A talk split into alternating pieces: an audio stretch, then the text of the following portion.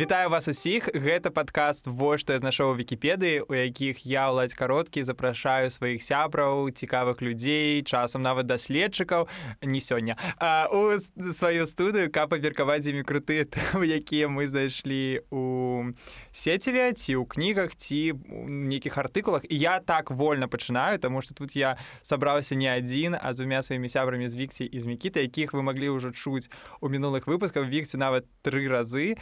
І я рада вас вітаць і падайце голас вітанкі вітаю ўсіх ну слухай наконт даследчыкаў не ўпэўнена но уже у буд буд ну, уже будучы ну, давай так. давай называть себе вольнымі рэсёрчарамі гэта ж гэта гучыць сёрферамі вікіпедыі я б так сказала. Ну не толькі вікіпеды тому что недавно про нас написали типа то что яны знайшлі у сеть думаю блин ну я там читаю кніжкі спецыяльна для выпускаў а вы тут кажаце что толькі ў сецьве так это правда. Так і сёння э, для нас падрыхтавала тэму вікця а у наступным выпускаю які выйдзе праз тыдзень уже будзе мікіцін. І вікця расскажы пра што ў цябе сёння. Сёння я буду распавядаць пра даволі цікавую рэч а, якую можна перакласці на беларускую як спор пра жанчын і адначасова спор жанчын. Таму што са старафранцузскай гэта даволі цяжка зрабіць але а, трохі пазней я растлумашу пра што ідзе гаворка. Але галоўнае што гэта мы зноўку засяродзімся на сярэднявечы. Як ужо аднойчы рабілі мы з уладзем дарэчы у гэтым падкасці але гэтым разам менавіта на жанчынах у сярэднявечча больш усё больш ніякіх мужчын. Іх пакідаем у мінулым. Тут я могу толькі э, зрабіць две спасылкі. Па-перша на выпуск пра трубадуру які абавязкова слухаце а па-другое ўжо мы гаварылі з ганнай дзягі з падкасту так склалася гістарычна пра такую жанчыну сафаніс банкісола якая ўжо была падчас рэнесансу. Там таксама мы крыху акрэслялі вось часы канчатку сярэднявечча. Ну у як знаеш як я зрабіў ўсё ж ніяк ты які чалавек які гэтым сапраўды займаецца. І вось цікава цікава што сёння будзе. Так і таму мы пачнём напэўна з таго э, якое палажэнне ў грамадстве э, займала жанчына ў сярэднявеччы і гэта даволі цікавая заўсёды тэму таму што мы прызвычайліся думаць пра сярэднявечча як пра нейкае такое э, цёмную цёмную прастору цёмны час у які адбываецца толькі максімум эпідэміі э, і я не ведаю усіх пагрызлі пацукі вось тыпу як юры станкевич опісвае ў сваіх творах асяроддзе вось гэта было ў сярэднявеччы тое самае што і ў беларускай вёсцы напрыканцы 90-х але ўсё ж таки тое месца якое займалі жанчыны ў грамадстве у сярэднявечча адрознівалася ад беларускай вёскі напрыканцы 90-х нечакана параўнанне і больш за тое я нават сказала что э, статус і грошы яны вырашалі ты калі у цябе былі статусы грошы то не так важна жанчына ты ці мужчына я думаю что ну мяркую что у і э, цяпер гэтая прыкладна э, сістэма захавалася але э, трэба заўважыць што насамрэч вось мой самы улюблёны прыклад жанчыны сярэднявечча гэта моя улюблёная гістарычная персонажка але нора квітанская. Вось тыпу калі ў мужчын пытаюцца э, як часта вы думаеце пра рымскую імперыю яны адказваюць кожны дзень. То калі у мяне спытаць як часта квітанскую я таксама так скажу Вось э, яна у сярэдзіне 12 стагоддзя абсалютна спакойна э, разводзіцца э, з сваім былым мужам з французскім каралём і дагэтуль нам не да канца вядома чаму яна гэта робіць Таму што у яе у яе былі нейкія палітычныя перспектывы ці просто таму што ёй не падабалася Вось і далей яна э, выходзіць замуж за ўжо англійскага краля але ўсё гэта э, э, ўсё гэта цікава таму што мы гаворам пра сярэднявечча і як бы там там разводы ну не вельмі паважаліся царквою а яе разводзіць персанальна папа рымскі і з гэтым наогул ніякіх праблем не э, як бы не існуе і вось тут мне трэба будзе мікіцін дапамога Таму что як я разумею э, вось гэтае супрацьстаянне паміж Англіяй і Францыі якое потым скончылася сталетняй вайной трохі пазней яно прыкладна пачынаецца вось калі аленора квітанская свае э, землі якім яны якімі яна валодала то яна як бы перадае іх пад ахову англійскай кароны і вось так цікава што тое што яна просто захацела сабе іншага бойчыка э, гэта прывяло да э, просто бойні э, сталетняй на мапе Еўропы ці гэта праўда Um, если честно, этот um, момент как-то от меня совершенно ускользает. А, что, я хотел действительно тебя спросить? А, так, так это на каких правах она э, смогла распоряджаться собственностью. Просто жанчыны э, маглі распараджацца уласнасцю і маёмасцю і гэта прапісана ў ва многіх еўрапейскіх кодексах прававых найчасцей за ўсё пра сярэднявечча мы кажам пра салічаскія праўды і у адным з найвядомейшых зборнікаў ісландскіх законаў. Таксама мы э, сутыкаемся з тым што э, жанчына можа быць раўнапраўнай прававой суб'екткай і з гэтым э, не будзе ніякіх праблемаў. Яна гэта былі і гэта была яе зямля і яна як бы паколькі яна належала да каралеўскай сям'і французскай яна была як бы лічылася за францыі потым э, калі яна перайшла ў іншую сям'ю вось я так разумею што і гэтыя землі яны таксама э, пачалі адносяцца і належаць да э, англійскай кароны. Але ж ну мы ж кажам пра сярэднявечча тыпу не пра суперустойлівыя дзяржаўныя граніцы не дай божа і ўсё такое на этом а, я хотел спросить все-таки еще раз потому что если я не ошибаюсь то по варварским правдам европейским женщины действительно могли а, обладать какими-то распоряжать своим имуществом в каких-то определенных случаях то есть это она унаследовала от отца Дарэчы, я не ведаю ты, ці гэта былі айцоўскія яе землі, але мяркую, што так, таму што ну, у нас тыпу ёсць два варыянта развіцця падзеяў гэта ці а, тое, што называецца утрэнні дар э, як гэта сказаць па-беларуску утрэнні дар ранішні падарунак во францыі гэта утренні дар у нас ранішні крыцей гэта тая маёмасць якую мужчына дорыць жанчыне перад жаніцьбай але зразумела чаму ён гэта робіць таму што на ўсялякі выпадак таму што калі ён памрэ што цалкам даволі верагодна калі мы кажам пра сярэднявечча то жанчына якая застанецца ўдавой ёй же трэба будзе на штосьці жыць і як-небудзь існаваць у гэтым свеце вось гэта тыя грошы якія ёй застануцца. Ну то бок гэта такая прэвентыўная патрыархальная мера. Пачакайце я э, это вельмі смешна ад вядучага падкасту таму што я ў нейкі момант зразумеў што вось мы абмяркоўваем з вами становішча жанчын у сярэдня сярэднявечча і я забыў якая тэма у нас. Тыпу як да чаго мы імкнемся яка, якая у нас я вось як калі акрэсліць яе пра, пра што? Да чаго мы да крокаем? так канешне выбачайся. Мы размаўляем сёння пра спор пра жанчын ці спор жанчын так. пра і гэта? І гэта першая феміністкі ў гісторыі. Окей. Это, это як некая что? Трэба... это як суполка як як, як, як это? ага. Трэба было гэта спачатку сказаць кого заклік быціць але ну мяркую перад да ты сказала я просто гэта я згубіў а добра ну просто а... про першых феміністак Вось і э, просто что наогул як бы існу існавала нават такое існа, існуе зараз у гістарыяграфіі такі панятак як фам соль. Гэта самотная жанчына літаральна. Гэта якраз такі прававое становішча жанчыны а, якая застаецца адна на тых тэрыторыях адкуль уладар кудысьці сышоў. А сышоў ён хутчэй за ўсё на вайну ці ў крыжовы паход а, Вось. І таких прыкладах прыкладаў у нас у вельмі много. Э, напрыклад у нас есть матыльда тасканская якая наогул яна типа свайго мужа просто сбросила і сказала да ідзі ты і засталася одна і вельмі круто э, кіравала Вось о, у нас ёсць э, Катерина Сфорца не, не, ну, не, не пуст, не, у яе прозвішча гэта не пусты гук для ўсіх беларусаў і беларусак сорі і Катерина Сфорцы яна таксама кіравала сваімі землямі і удала іх ахоўвала ад розных нападак і гэтак далей таму ну ўсё ўсё як бы давайте спачатку адрынем вось гэты міт про тое што э, жанчыны не мелі ніякіх прав правоў. Не правы жанчын э, існа і, і, так істотна пагоршыліся ўжо ў 18-19 стагоддзі ёсць я просто это тое что я у тым ліку казаў пра у выпуску пра сафанізм мне просто прыемна что гэта не толькі моя думка яшчэ людзі якім я больш давяраю у ведах гэта пацвярджаюць сапраўды у нас есть такое уяўленне что вось там жанчыны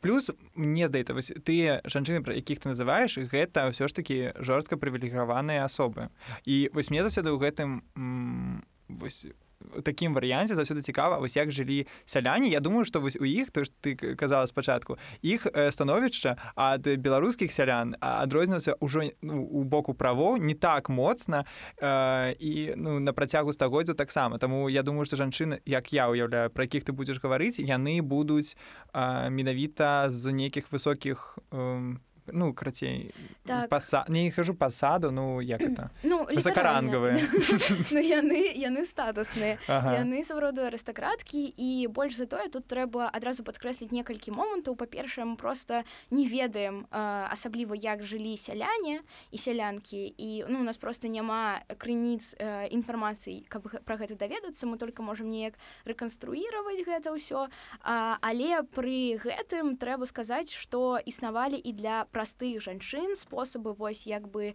не падпарадкоўвацца двум дзвюм э, галоўным інстытуцыям. Патрыархальным гэта умоўная дзяржава то ну то бок кіраўнік нейкі уладар і просто я хочу заўважыць даже захачу не бачыць але у векце ты бы два пальцы просто перакрыжываліся яна сидзіць і не парадакаюцца дзяржаве і царкве да ты хотел сказаць так я уже адразу бачу. І царкве напрыклад у нас ёсць вось адзін з яскравых прыкладаў гэта суполка я не ведаю грамадскае аб'яднанне як мы можемм назваць бігінак і гэта жанчыны гэта нават ну гэта не ордан манашаскі яны яны не былі ў нейкім непасрэдным падпарадкаванні царкве. Яны просто сабраліся разам у такую камуну і э, супольна пачалі выбудоўваць свой быт па-за межамі э, дзяржавы і сям'і якая іх абавязвала э, да пэўнага ладу жыцця і па-за межамі царкву якая гэта таксама рабіла. Вось і гэта вельмі круто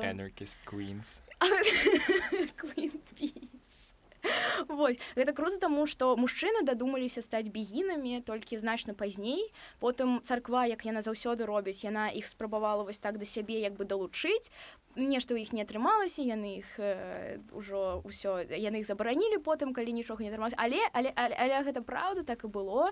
Ну слухайте я вось думаю про тое что э, зараз такой э, скончым у гістарычны экскурс на секунду і просто сказаць про тое что мы думаем что жанчынам жылося блага. І я думаю что так это правда жанчынам непараўнальна блага жылося але ну я не я не думаю что як бы э, жанчына у усуча блин сорі зараз будзе нейкі тейк з тиктока я нават давай давай. я просто подумала что ты а жанчына ў сучасным горадзе супер апрэсіўным таксама да яе у асяроддзе у офісе тыпу е што лепш? Ну не ведаю. Окей, ладно, гэта было контравершал. А вы можете выбрать жизнь в офисе или быть самой богатой женщиной Европы? Сколько? 500 лет назад? Не, ну... Блин, просто мне падаецца, што я так много э, я так много кажу усім людзям э, навокал про тое, што не гэта стэеатып пра сярэднявеччы, насамрэч там не было так плохо, што я тыпу занадта сильно ў гэта давайте давайте давайте забудем что ну нет давайте не забывать это правда. Ну ніхто не забыць нішто не забыць я недавно прочитала кніжку леслі керн фемінскі горад і яна там тыпу страшныя рэчы піша про горад ну сучасны так про сучасны горад про тое что як бы з сімвалічнага пункту гледжання хмарачосы гэта абсалютна літаральна фалічныя сімвалы якія офігеце навык это сказала это было ў шрэку яшчэ яшчэ колькі год таму добрый вечер. А теперь даследжыцца і теперь все на спасылаецца спасайце наш рэка блин. И это кстати этот момент в барбе мне понравился больше всего. Не знаю если кто-то смотрел когда кен попадает в реальный мир. И это я думаю это самый сильный момент фильма где он э, проникается всеми благами патриархата. Мне, мне так мне так падабаецца типа у нас три просто дыскурса мне просто бачыць что я жыву нейкі типа нулевымі 90 такі шрэк памятаеце шрэ барбі і феміністская крытыка на самом ну, деле я совершенно не помню что было в шрэке ну вось uh, ну ладно uh, гэта так было uh, такое адхіл у бок але ну трэба сказаць яшчэ что э, калі мы падходзім да тэмы феміністак што яшчэ мы вось на працягу 18-19 стагоддзяў мы забылі мало таго што жанчыны кіравалі э, сваімі міні-дзяржавамі. Э, яны яшчэ і маглі быць у арміі. Таму ну, больш за тое яны маглі кіраваць гэтай арміі Таму што я э, вось шмат э, шмат чытаў пра альбегойскі крыжовы паход і там адна з маіх самых любімых гераіняў гэта эскалармонда дэфуа якая буквально яна кіравала абаронай крэпасцяў яна вела войскі у напад і яна загінула падчас абароны адной з іх. Яна была там э, так яна ну таксама была прыліграваная жанчына якая мала буквально там свае замкі. І так трэба за пра гэта памятаць. так у гэтым сэнсе просто эмілія плятер яна не выключэнне. То бок мы не ну я думаю что просто э, яна у поп-культуры разглядаецца як такі унікум але ну давайте просто глядзець на яе як на яшчэ э, одну как э, жанчыну якая просто мне здаецца что погляд что галоўнае что сделала там самое горшае 18-19 стагоддзя гэта нават не тое что яно ну зараз будзе таксама кантравершу что она апрэсавала жанчын а тое что яно просто спрабавала вынішчыць усе веды пра жанчын мінуласці Таму что вось зноўкі вяртаючыся да сафанізмы про якую у нас был пазамінулы выпуск про яе цяпер у вельмі мала інфармацыі. Больш за тое шмат яе карцін было атрыбутавана да іншых мастакоў. То есть mm -hmm. там быў гішпанскі кароль якога былі вось прыдворныя мастакі. І было яшчэ двое. І вось яе цяперашняе мастацтва а яна таксама была адной з прыдворных мастачак караля толькі цяпер вось прям цяпер цяпер знаходзіцца і робіцца яе персанальныя выставы і она открывваецца толькі цяпер тому что раней гэта ну як что жанчына не не гэта был там нейкі гішпанец ну, а, очень много женщин наверное которых мы никогда не узнаем которые а, что-то делали и выставлялись за мужскими именами mm -hmm. так, так. Праўда. Вось і мы падыходзім э, бліжэй да нашай тэмы і трэба сказаць, што вось гэты спор пра жанчын спор жанчын э, Керель дэфан Чаму я кажу спор жанчын спор пра жанчын таму што э, вось гэты артыкль Д у старафранцузскай яго можна ну як бы перакладаць э, родным склонам, але у гэтым сэнсе ён можа перакладацца і як спор пра жанчын. То бок мы не можемм гэта адначасова і спор у якім прымалі ўдзел жанчыны але яны абмяркоўвалі со, ну менавіта саміх сябе. І э, гэта круто яны гэта дыскусія якая распачалася з такой жанчыны якую звалі крысціна пізанская. І яны э, гэта дыску гэта дыскусія надоўжылася 400 гадоў але некаторыя даследчыкі лічаць што яна доўжыцца да гэтай пары і таму мы можам разглядаць запіс гэтага падкасту як таксама такое слово у гэтай дыскусіі. Вось і эм, гэта круто жанчыны якія пачалі пісаць пра сябе і адкрываць сябе яны называлі сябе адвакаткамі але мы можам я думаю зараз э, абсалютна спакойна называць іх феміністкамі Таму што мне падаецца што тое пра што я буду сёння расказваць гэта будзе знаёма э, вельмі многім дзяўчынам якія э, у падлеткавым узросце нешта пачынаюць для сябе адкрываць чытаць Вось сорі просто сёння э, размаўляла з э, адной яшчэ дзяўчыны пра другі пол сегодня дывуар і мы э, размаўлялі про то што калі ты і ад, открываешь гэту кніжку калі тебе калі табе 15 год то гэта адчуваецца быць быццам э, тебе просто вось так адкрылі вочы і не даюць іх заплюшчыць і таму гэтую кніжку ну in my opinion э, было б круто калі б э, гэту кніжку чыталі ну з нейкімі ментаркамі цютаркамі тому что гэта такі экспірыенс які э, вось даволі ўплыву Ну я просто ведаю жанчын якія разводзяцца са сваімі муж'ямі і расстаюцца са сваімі парнямі пасля таго як прачытаюся другі пол. Вось такая вось такая кніжка вось такая кніжка. Опасна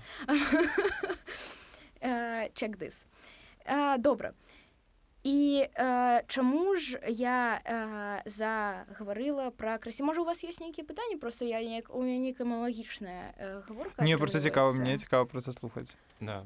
Э, вось Ну што там Крысціна так э, Крысціна пізанская яна пачынае пісаць у абарону жанчын. А трэба сказаць што ў гэты час у сярэднявеччы існуе агромная колькасць мезагенічнай мезагіннай літаратуры. І найвядомейшы з гэтых тэкстаў гэта роман пра розу. І ён быў э, напісаны атрымліваецца ў 12 стагоддзе а Крысціна пізанская яна пачынае пісаць у 15 і э, але э, сэнс у тым што гэта роман пра розу гэта самы папулярны роман сярэднявечча літаральна ну типу... так мы его чыталі нават на медыакоме я хотел знаешь что сказаць что э, гэта вельмі цікава у кантэкст таго што вось я цяпер гляджу навошта людзі спрачаюцца там пра нейкія штукі ў цютары нечаканы параўнання і я толькі вось на днях зразумею што насамрэч ідзе просто барацьба того што застанецца ў гісторыі просто які дыскурс пераможа і якая форма сапраўды будзе там э, захоўвацца і працягвацца і вось тут тое самае насамрэч там э, мы цяпер глядзім на сярэднявечча праз э, імя розы Таму што мы думаем вось і там было такое стаўленне да жанчын і вось і там прыкладна так такім чынам яны маляваліся вось тут у нас пачынаецца вось гэты вобраз жанчыны як такая якая там чагосьці чакае і ба-ба-ба але насамрэч гэта магчыма было і не так. І гэта было адно з уяўленняў якое замацавалася толькі праз тое што яно вось у культурным нейкім сэнсе праз розныя прычыны перамагло. То бок то бок калі па-іншаму склалася гісторыя у нас бы вось уяўленне пра базавае пра сярэднявечча магло ісці праз вось спрэчку пра якую ты расказваеш як гэта спрэчка жанчын пра жанчын. А, так гэта праўда і а, калі я кажу што гэта роман пра ружу выпачаюся ну па-французску роман де роз ён сам папулярны таму што ў нас ну пэўна калі я не памыляюся 83 манускрыпта у нас ёсць гэта ну гэта значна болей чым астатніх літаратурных тэкстаў якія на засталіся тыпу калі ёсць там адзін не ну стоп ну чаму яны засталіся таму што яны перапісваліся так, так. засталіся тому что гэта ўсе чыталі відавочна што гэта ўсім падабалася і таму гэта перапісвалася і гэта лічылася не крутым.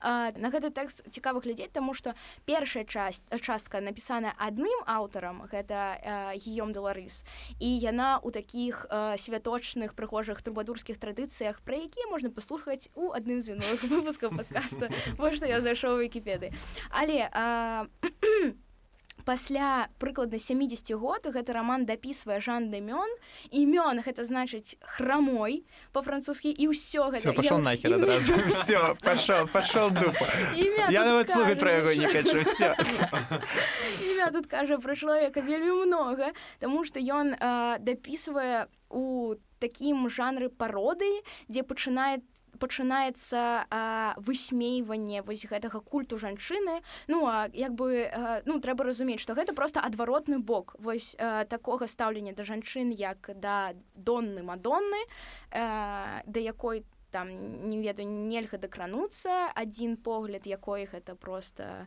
э, боская ласка але э, ну адваротны бок гэтага гэта вось самыя такія абскурныя мезагінныя і мярзотныя э, анекдоты якія все увасобіліся ў рамане пра ружу. Так гэта роман пра ружу. Але давай вяртацца до наших так. жанчын. Все ж таки э, хопіць уже даваць прастору і ты час э, гэтым мужчынам так выбачаюся гэта праўда і вось у э, у 1399 году Крысціна Пізанская бярэ ў руку пісала і адказвае усім аматарам рамана пра ружу, піша, што гэта лухта. Ну карацей лухта ну сапраўды ну гэта просто немагчыма болей чытаць хопіць гэта чытаць. Гэта неправда. Тое что там написано про жанчын гэта неправда.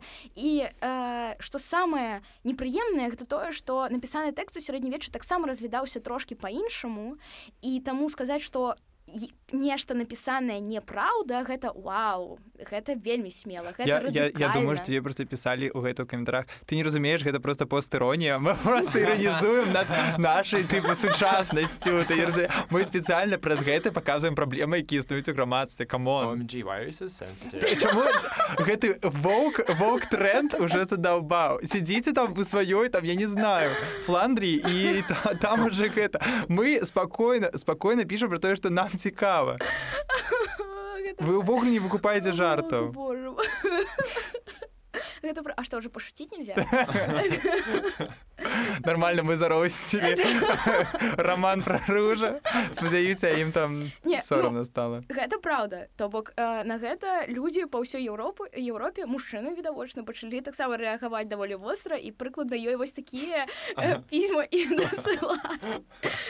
нічога з дзікпікамі спадзяюся замаляванымі. Э, гэта праўда і э, але самая важная ейная праца за жыццё пэўна гэта тая якая напішацца праз 5 год пасля гэтага ўжо на пачатку 15 стагоддзя і э, вось так, на такім зах- заходзе сярэднявечча якая называется о градзе жэнскам у перакладзе на рускую зараз я просто апрацоўваю сваёй галаве як это можна перакласці на беларускую э, ну можна про пакінуць так. жаночы горад Мгм.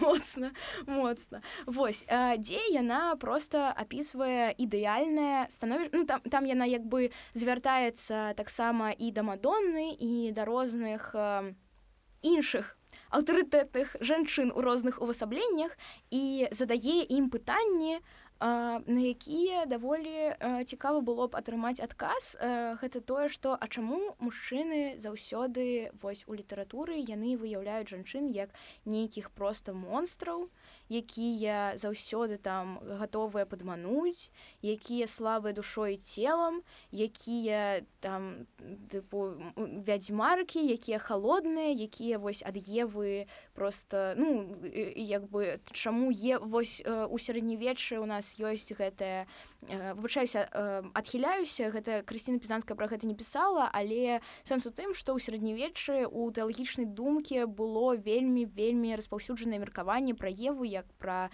э, чалавечцу якая першая як бы ну парадзіла нарадзіла грэх і праз яе ў нас усё так блага але ўсё ж таки ну яе ж тыпу потым Христос вывеў як бы все нормально яе прабачылі. Чым праблема?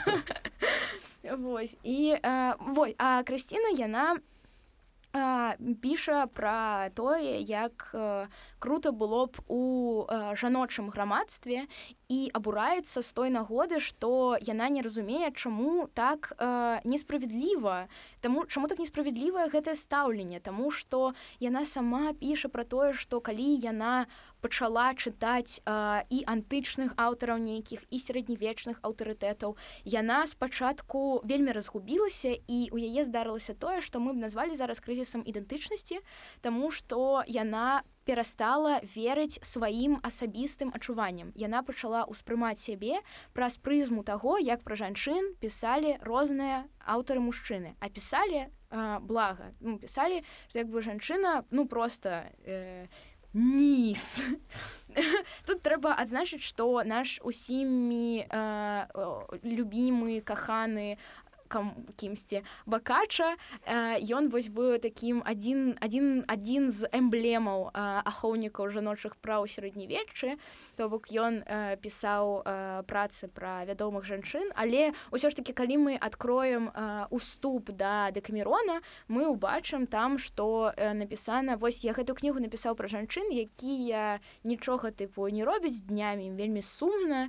І яшчэ Вось адзін я- прафем аказаўся зліты Ну, там літаральна напісана што вось жанчыны яны ж тыпу нічым не займаюцца ну хай пачытаюць кніжку маю і ну дзякую што я напісаў кніжку пра жанчын але можна было неяк больш кэрфул да нас паставіцца да маіх бабак наших Это просто а, мужчины в это время решили а, выдумать патриархат, и они приступили за работу. И то, о чем мы сейчас говорим, это попытки сопротивления. Но, ка- кажется, потом они наверстали. та ну яны ну гэта праўда то бок э, гэта круто таму што вось так да крысціны пізанскай я не сустракала э, такіх э, і пэўна ніхто не сустракаў такіх вельмі чулівых пры гэтым даволі дакладных э, прынцыпаў э, і псіхалагічнага пісьма ў гэтым сэнсе але псіхалагічнага асабліва жаночага тому что калі мы кажам пра еўрапейскі псіхалагізм і пра псіхалагізм у мастацкай літаратуры які потым патрохі патрохі патрохі у нас і выпрацаваўся у псіхалогію псіхааналіз і тое на чым як бы базіруецца наша культура мы пачынаем быццам бы з августына і яго споведзі. Але вось круто ну круто что у нас ёсць вось гэта мужчынская споведь і ягоныя праблемы то бок я зараз нічога не забіраюся казаць дрэннага пра августына але калі хтосьці открываў гэту споведь то там ну ёсць вельмі кантравершал праблематик моманты таксама звязаныя з яго мезагіннымі пазіцыямі але ягоны мезагінныя пазіцыі звязаны з тым што ён просто не можа кантраляваць сваё жаданне. Але там як бы ну не тое ж ну, iду А Крысціна Пзанская дае нам э, жаночы погляд на тое, як думалі і маглі думаць пра сябе жанчыны і пра тое, што яна перажыўшы гэты наймацнейшы крызіс, яна э, аздолела паглядзець на сябе ўсё ж сваімі вачыма і прызнаць, што не, Ну не гэта неправда то што яны пішуць гэта неправда і я хачу пісаць праўду і фіга хочу... она прям піша што все гэта тыпу хлу, так. хлусня лухта і ну якой яна і дае прапанову тыпу не чытаць іх ці чытаць нейкім чынам что что які надае mm -hmm. погляд новы uh, вельмі важно тое что мы зараз ўсё яшчэ кажам пра сярэднявечча і там аўторытас гэта аўторытас то бок аўтар гэта аўтарытет і такі праз які пераступіць вельмі складана і таму вось з гэтым было і звязана тое што прызнаць тое што э, там хтосьці піша пра жанчын з антычных а ў тыя часы уже пераклалі арыстоцеля так так вядома. Uh -huh, uh -huh. А, з дарэчы там пра э, і пра антычных аўтараў таксама у яе быццам бы ёсць я можа нават найду пра каго але ну э, это не, не, так не, не так не так сапраўды не так важна.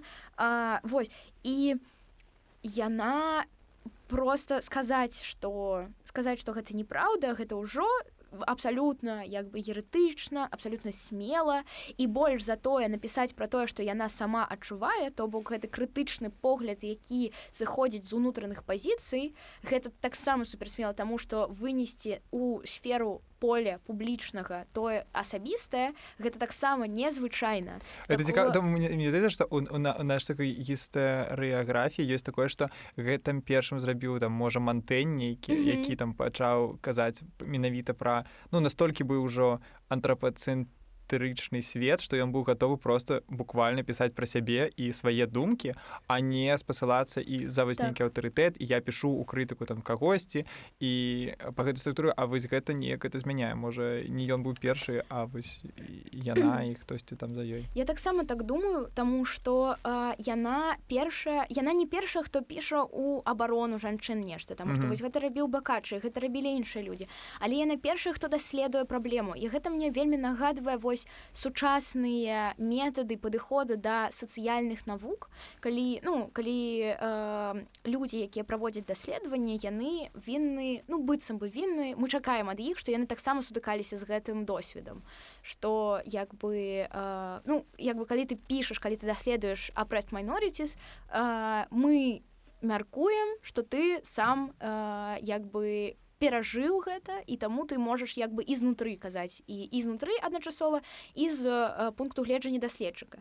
Вось і яна першая хто выводзіць э, дыскусію пра жанчын наогул на ўзровень на э, абмеркавання паміж жанчынамі таксама. Ну то бок калі мы кажам пра нейкі жаночы вопрос калі ён і існаваў то ён вырашаўся выключна мужчынамі. А крысціна пізанская яна просто запрасіла у гэтую гутарку жанчын. Яна сказала ну давайте мы ўсе просто зараз ну калі калі вы хаце пра нас пісаць то давайте вы з намі гэта неяк будете удакладняць ёсць там нейкі вось глядзі вось э, мы з табой э, гаворым пра праблематыку так што яна падымае вось гэта крытычная.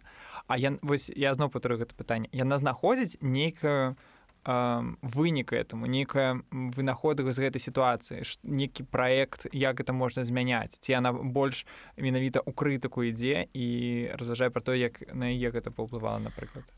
Мяркую што з э, менавіта праксіса потому э, як гэта як гэта змяніць яна не вынаходзіць. І гэта таксама ну такая тупіковая кропка і нашай культуры таксама Таму што вось гэтыя аўтары ну яны туду неотменімы Ось. і яна нічога не магла зрабіць у свой час тысячу год таму з гэтым. І на жаль мы таксама не можемм нічога зрабіць а, з тым што людзі просто атрымліваюць адукацыю вывучаючы гэтых аўтараў. І таму нам ну мы павінны як бы а, я магчыма зараз тут я трошки перабольшваю калі кажу про тое што яна прапануе крытычную оптыку. Але ўсё ж таки ну мы ж размаўляем про той час сваімі словамі і я сыходжу з той пазіцыі што мы ўсё роўна ніколі не зможам даведацца як усё было насамрэч Таму э, можам размаўляць так як я так як нам зручна і э, мне зручна сказаць што яна прапаноўвае крытычны падыход да э, вось канона А вось ты казала спачатку што там была нейкая суполка. То бок у яе былі прыхільніцы. Канешне. У яе былі прыхільніцы і яны пачалі як бы вось яна развязала жанчынам руки і э, вусны Таму што пасля яе э, пачалі э, пісаць вельмі многа пра жанчын і мужчыны і жанчыны і завязалася такая эпісталярная спрэчка то бок што хтосьці нешта піша і як бы э, пра гэта дазнаюцца іншыя і уступаюць у палеміку і гэта і ліставанне і нейкія і адкрытае ліставанне і прыватнае ліставанне то, то бок усе гэтыя матэрыялы яны як бы збіраюцца вось у гэтую большую керальдафам мы не можемм прасачыць э, такую канкрэтную пэўную галіну як гэта развівалася паступова але вось розныя розныя самыя розныя тэксты у нас ёсць і то бок э, пачынаюцца пачынаюць жанчыны эксперыментаваць з літаратурнымі жанрамі э, якія э, былі я б так сказала э, пры былі у валоданні мужчынамі і таксама яны не заўсёды ну, яны яны маглі менавіта як бы быць служыць мезагінным мэтам. І жанчыны просто могуць браць гэтыя жанры неяк іх перапрацоўваць неяк пісаць штосьці новае штосьці сваё. Ну вось так карцей да у яе было даволі много прыхільніц. Я буду пэўна пра іх пача пачынаць расказваць але пэўна у кагосьці не было пытання плане выпадково. Я все еще думаю о том, что а, вообще не обязательно, а, мне кажется, считать, что а, мы не можем построить какой-то нарратив без а, авторов мизогинов. Мне кажется, точно так же, как а, когда-то был построен нарратив без женщин, можно построить нарратив теперь без мизогинов. А, и это действительно просто мы занимаемся не а, тем, что мы раскрываем, а как же все там было, а мы создаем свое собственное представление о прошлом, вот, mm-hmm. в котором мы можем просто уделить а, равное внимание авторам женщинам. А, Микита, я с тобой абсолютно згодна, и я думаю, что а, можно привести приклад а, у даволі відавочны, про які я а, тебе уже распавядала, Анна Мария фон Шурман, якая пісала свайму сябру гуманісту. Гэта ўжо было трошки пазней пасля крысціны пізанскай. Але я напісала ему калі ласка не прысвячай мне свой трактат у ахову жанчын тому что мяне просто тыпу знішчыць. Тому что мне просто тыпу усе мужчыны на мяне накінуцца і ну я, я я гэтага не хачу. А яна была сапраўды вельмі вельмі адукаваная і ну асветніца і гэтак далей. І гэта гэта даволі сумна э, таму можа быць нам сапраўды э, трэба ўжо адыходзіць ад э, пункту гледжання проста крытычнага погляда які э, кімсьці можа быць э, не ведаю які кімсьці можа быць асэнсаваны а кімсьці і не і просто прыняць вось мікіціну радыкальны мікізін радыкальны пункт гледжання і просто ну тыпу ўжо скінуць гэтых людзей ўсё. Ну, які у нас круты вынік падыходзіць действительно я считаю что э, мы можем просто прийти в ту в тот уровень на тот как бы э, уровень восприятия вот этого а, человека-ненавистничества, который излучали этот автор, на уровне того, что других примеров человека-ненавистничества, как, допустим, мы, мы не изучаем а, национал-социалистических авторов, мы также можем не изучать и авторов мизогинов. Слухай, гэта вельмі крутая думка. Я думаю, што трэба гэта ўсім взять на заметку. Я спадзяюся, нас слухаюць школьныя настаўнікі, настаўнікі універсітэцкія і што. Я спадзяюся, што не. Вам то добра, вы прыйшлі, расказалі свае экстрэмісцкія штукі, пашлі далей жай, а мне гэтым яшчэ займацца. Круто вам. Вось, і што яны ладно можа быць нас слухаюць нехта іншы